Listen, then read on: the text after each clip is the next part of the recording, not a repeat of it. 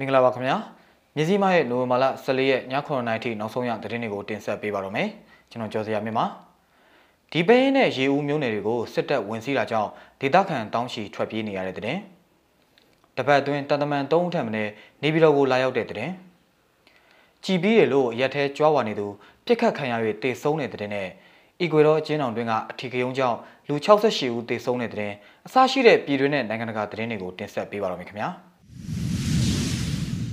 ပထမဆုံးသတင်းတစ်ပုတ်အနေနဲ့ဒီပေးင်းနဲ့ရေဦးမြို့နယ်တွေကိုစစ်တပ်ဝင်စီးတာကြောင့်ဒေသခံတောင်းချီထွက်ပြေးနေရတဲ့သတင်းကိုတင်ဆက်ပေးပါမယ်။စကိုင်းတိုင်းဒီပေးင်းနဲ့ရေဦးမြို့နယ်မှာစစ်တပ်ဝင်ရောက်စီးနင်းမှုတွေကြောင့်ရွာ20ခန်းကဒေသခံတောင်းချီထွက်ပြေးတိမ်းရှောင်နေရပြီးစေဝါနဲ့စားနပ်ရိက္ခာအခက်အခဲတွေတွေ့ကြုံနေရတယ်လို့ AR သတင်းဌာနရဲ့ဖော်ပြချက်အရသိရပါဗျ။ပြီးခဲ့တဲ့နိုဝင်ဘာလ10ရက်နေ့ကစစ်ကောင်စီတပ်ဖွဲ့ဝင်တွေကရဟတ်ရင်၄စီးနဲ့ဒီပဲရင်မြို့နယ်အတွင်းရောက်ရှိလာပြီး9ရက်နေ့မှစတင်ပြီးတော့ရွာတွေကိုဝင်ရောက်စီးနင်းမှုတွေပြုလုပ်နေတာဖြစ်ပါတယ်။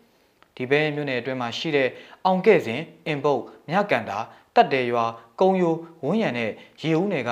ကြက်တော်စာဇေယဝတီအစရှိတဲ့ကျွေးရပေါင်း20ခန်းကဒေသခံပြည်သူ3000ဝန်းကျင်ရှောင်တိန်နေရတာဖြစ်ပါတယ်။ရှေ့ရက်နေ့ကတည်းကစပြေးရတာလူကြီး3000ခွဲလောက်တော့ရှိမယ်။ရေဦးနယ်တဲ့အထိပါတယ်။ရွာတွေကိုခြေလျင်ဝင်တာရဟတ်ရင်နားတဲ့နေရာကနေပြီးတော့ရွာဆယ်ရွာလောက်ကိုမှွေပြီးတော့ဒီဘဲရင်အနောက်ဘက်တောတွေကိုတက်သွားတယ်။ပြီးတော့တောတွေကရွာတွေကိုမှွေတယ် တောထဲကနေပြီးတော့ရေဦးနယ်စပ်ကရွာတွေကိုထပ်ဝင်တယ်လို့ဒေသခံတူကပြောပါတယ်။အဲ့လိုဝင်ရောက်စီးနင်းမှုတွေပြုလုပ်နေတဲ့စစ်တပ်ဟာဒီဘဲမြို့နယ်အတွင်းမှာရှိတဲ့ဝန်းရံကုန်းရိုးနဲ့တက်တယ်ရွာမှာရှိတဲ့နေအိမ်တွေကိုလည်းမိရှို့ဖျက်ဆီးမှုတွေပြုလုပ်ခဲ့ပါတယ်။ရှောင်းသိမ်းနေရတဲ့ဒေသခံပြည်သူတွေအနေနဲ့စားဝတ်နေရေးနဲ့စေဝါအခက်အခဲတွေကြုံတွေ့နေရတယ်လို့လည်းသိရပါတယ်။ဒီဘဲနဲ့ရေဦးမြို့နယ်မှာ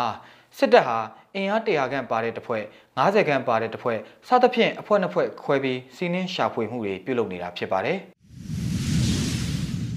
တပတ်အတွင်းတန်တမန်3ဦးထပ်မံနေပြည်တော်ကိုလာရောက်တဲ့တဲ့တင်ကိုဆက်ပြီးတင်ဆက်ပေးကြပါမယ်။အမျိုးသားညီညွတ်ရေးအစိုးရအနေနဲ့နိုင်ငံတကာတိုင်ဝမ်ရဲ့ထောက်ခံမှုရရှိနိုင်ရန်ပြည်ပမှာထိတွေ့လှုပ်ဆောင်မှုတွေအရှိန်မြင့်နေတဲ့အားလျော်စွာအာဏာသိမ်းစစ်ကောင်စီကလည်းနိုင်ငံတကာနဲ့ထိတွေ့မှုတွေကိုယခုအပတ်အတွင်းဇက်တိုက်ဆိုသလိုဆောင်ရွက်နေခဲ့ပါတယ်။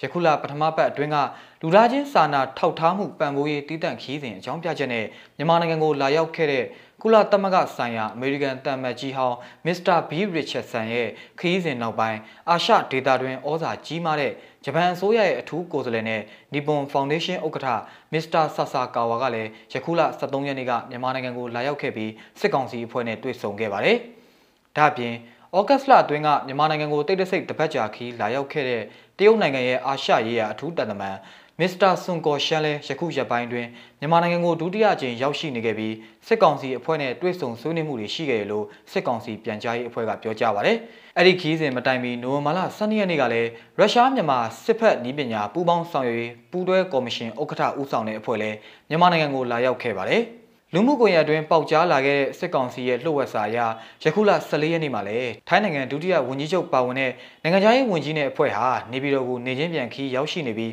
စစ်ကောင်စီဥက္ကဋ္ဌနဲ့တွေ့ဆုံဖို့ရှိနေတယ်လို့သိရပါတယ်။အတိအကျအနေနဲ့သူတို့ဘာတွေဆွေးနွေးရဆိုတာမသိရပေမဲ့ဖြစ်နိုင်ခြေများတာကတော့နိုင်ငံတကာကဖိအားဖြစ်နေတဲ့တွေ့ဆုံဆွေးနွေးရေးကိစ္စရဲ့အာဆီယံမူ၅ချက်ကိုလိုက်နာဖို့အတွက်ရပဲဖြစ်မယ်။ နိုင်ငံတကာအနေနဲ့ကသူတို့အကျိုးစီးပွားရှိနေတဲ့အတွက်ဒီထက်ပိုပြီးလုံနိုင်မှုဆိုတာဖြစ်နိုင်ခြေမရှိသလောက်ပါပဲလို့နိုင်ငံရေးလေးလာသုံးသပ်သူတူကပြောပါတယ်လက်ရှိမှာနိုင်ငံတကာတိုင်ဝမ်ကမြန်မာနိုင်ငံအရေးနဲ့ပတ်သက်လို့အာဆီယံရဲ့ဘုံသဘောတူညီချက်၅ချက်ကိုအကောင့်ထဲဖော်ရန်တိုက်တွန်းနေသေးဖြစ်ပေမဲ့အမျိုးသားညီညွတ်ရေးအစိုးရဟာတွဲဆောင်ဆွေးနွေးရန်မရှိဆိုတဲ့မူဝါဒအပေါ်တိကျတဲ့အာမခံချက်မျိုးရှိထားရန်လိုအပ်ကြောင်းသူကပြောပါတယ်။ ဒါပေမဲ့အမျိုးသားညီညွတ်ရေးအစိုးရအနေနဲ့ရခိုင်ကရွှေဆိုင်ခဲ့ရတဲ့အမျိုးသားညီညွတ်ရေးအတိုင်းအမြံကောင်စီရဲ့တရားဝင်မီဒီယာတွေ့ဆုံမှုကိုမကြာမီပြုလုပ်ရန်ရှိနေခဲ့သလိုနိုင်ငံတကာရဲ့အတိမတ်ပြုခံရရေးအတွက်အာသွန်ခွန်ဆိုင်ဆောင်ရွက်လျက်ရှိနေသည်ကိုအမျိုးသားညီညွတ်ရေးအစိုးရလူခွင့်ရေးဝန်ကြီးဦးအောင်မျိုးမင်းနိုင်ငံတကာခီးစဉ်ထုတ်ပြန်ချက်တွေအပါအဝင်အစိုးရအဖွဲ့ဝင်တွေရဲ့တွေ့ဆုံဆွေးနွေးမှုရလဒ်ထုတ်ပြန်ချက်တွေကညွှန်းဆိုလျက်ရှိနေပါတယ်။အမျိုးသားညီညွတ်ရေးအတိုင်းအမြံကောင်စီဟာ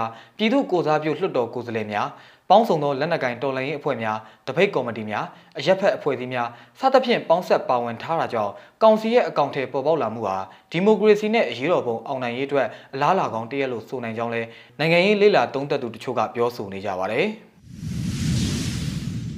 ကြည်ပြီးတယ်လို့ရက်ထဲကြွားဝါနေသူပြက်ခတ်ခံရ၍တေဆုံးတဲ့တဲ့ရင်ကိုဆက်ပြီးတင်ဆက်ပေးပါမယ်။ ရန်ကုန်တိုင်းတွန်တေးမြို့နယ်မှာကြည်ပြီးရလို့အရက်ထဲလိုက်လံကြွားဝါနေတဲ့စစ်ကောင်စီသတင်းပေးဒလန်ဟုနာမည်ထွက်သူတူတနက်နဲ့ပြက်တက်ခံရပြီးတေဆုံးသွားတယ်လို့ဒေသခံတူကမျက်စိမှကိုပြောပါတယ်ဒီကနေ့နိုဝင်ဘာလ14ရက်နေ့မနက်ပိုင်းကမြာကိုကျွော်မှာရှိတဲ့လက်ဖက်ဆိုင်တစ်ဆိုင်ကနေထွက်လာတဲ့ကိုစော်ဆန်းကိုမြို့ပြပျောက်ကြားတပ်ဖွဲ့တွန်တေးကနှထင်ကိုတနက်နဲ့အနီးကပ်ပစ်ခတ်ခဲ့တာဖြစ်ပါတယ်။ပြူစောထီလိုလည်းသတင်းထွက်နေတဲ့သူပါ။ ဒီမတိုင်ခင်အရှိမသူ့ကိုတပ်ဖွဲ့ကတွားရှင်းနေတယ်။အဲ့ဒီတုန်းကကြည်မထွက်သွားလို့ကန်ကောင်းသွားတာကိုသူကသူ့ကိုယ်သူကြည်ပြီးတယ်ဆိုပြီးလိုက်ကြွားနေတာ။အဲ့ဒီကလေးကအပြင်မထွက်တော့ဘူး။အပြင်ပြန်ထွက်တာ2ရက်3ရက်ပဲရှိသေးတယ်။ဒီနေ့မနက်တော့လက်ဖက်ဆိုင်ကအထွက်မှာနှထင်ကိုတနက်နဲ့တစ်ပစ်လိုက်တာပါလို့မြို့ပြပျောက်ကြားတပ်ဖွဲ့တွန်တေးကတာဝန်ရှိသူတို့ကပြောပါတယ်။ တေဆုံးသူကိုစောဆန်းဟာဆန္ဒပြသူတွေကိုဓာတ်ပုံပြပြီးငွေညစ်တာတွေပြုတ်လုခဲ့ဘူးသူဖြစ်တယ်လို့ပြူစောထီလို့လည်းသတင်းထွက်နေသူဖြစ်ကြောင်းဒေသခံတွေထံကနေသိရပါဗျ။မြို့ပြပျောက်ကြားတပ်ဖွဲ့တွန်တေးဟာတွန်တေးမြို့နယ်အတွင်းကစစ်ကောင်စီရဲ့တောက်တိုင်တွေဖြစ်တဲ့အုပ်ချုပ်ရေးမှုနဲ့ဒလန်ဆိုသူ6ဦးကိုရှင်းလင်းမှုတွေပြုတ်လုခဲ့ပြီး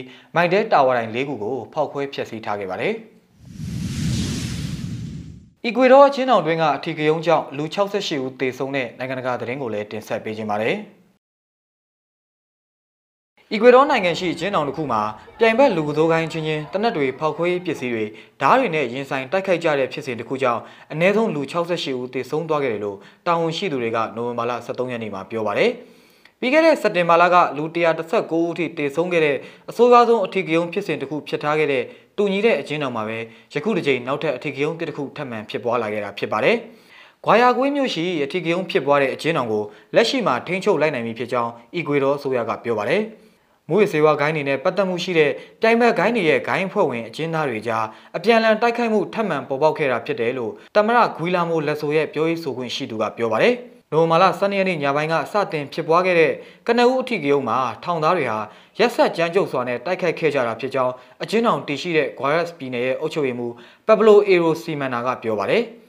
အဲ့ဒီအထီးကယုံဖြစ်စင်မှာတော့နိုဝင်ဘာလ12ရက်ည9နာရီဝန်းကျင်လောက်ကဂိုင်းနဂိုင်းရဲ့အကျဉ်းသားတွေဟာ၎င်းတို့ရဲ့ပြိုင်ဘက်တွေရှိနေခဲ့တဲ့ထောင်တွင်းအဆောက်အအကွက်တစ်ခုထဲဝင်ဖို့စ조사ခဲ့ကြရာကနေစတင်ဖြစ်ပွားခဲ့ပြီးပြိုင်ဘက်ထောင်သားအချင်းချင်းကြားတနက်တွေဖောက်ခွဲရေးပစ္စည်းတွေဓားတွေနဲ့တိုက်ခိုက်ခဲ့ကြရမှာရဲတွေကဝင်ရောက်ထိန်းသိမ်းမှုစ조사ခဲ့ကြရပါတယ်။အဲ့ဒီတွေးထွက်တန်ယိုထောင်တွင်းတိုက်ပွဲမှာအကျဉ်းသား68ဦးသေဆုံးခဲ့ပြီးအခြား25ဦးဒဏ်ရာရခဲ့တယ်လို့အီကွေဒေါအစိုးရရှိနေရုံကထုတ်ပြန်ပါတယ်။ အချင်းတော်မှာတီဂွာရိုနက်ဆိုတဲ့ဂိုင်းတစ်ခုရဲ့ခေါင်းဆောင်ဖြစ်သူပြစ်ဒဏ်ကာလဆေးလို့ထောင်ကနေပြန်လွတ်သွားခဲ့ချိန်မှာဒီအကြမ်းဖက်မှုစတင်ခဲ့တာလို့တာဝန်ရှိသူတွေကပြောပါတယ်။ခေါင်းဆောင်ဖြစ်သူမရှိတော့လို့တီဂွာရိုနက်ဂိုင်းအားနဲ့သွားပြီလို့သဘောထားပြီးအခြားအဖွဲ့တွေကအဆိုပါဂိုင်းကိုခြေမုံဖို့တိုက်ခတ်ခဲ့ကြတာဖြစ်တယ်လို့အေရိုစီမန်နာကပြောပါတယ်။သူတို့ရဲ့ရည်ရွယ်ချက်ကတော့လူအစုအပြုံလိုက်တပ်ဖြတ်မှုတစ်ခုကိုလုပ်ဖို့ဖြစ်ပါရဲ့လို့၎င်းကပြောခဲ့ပါတယ်။ လက်ရှိအချိန်မှာတော့အကျဉ်းသားတွေနဲ့အကြားဆက်သွယ်ချိတ်ဆက်နိုင်အောင်ကြိုးစားကြဖို့နဲ့တွေးထွက်တန်ယုံမှုတွေထပ်မဖြစ်စေဘဲအဆုံးသက်စေတိုက်တွန်းကြဖို့အရက်ဖက်လူအဖွဲ့အစည်းတွေကို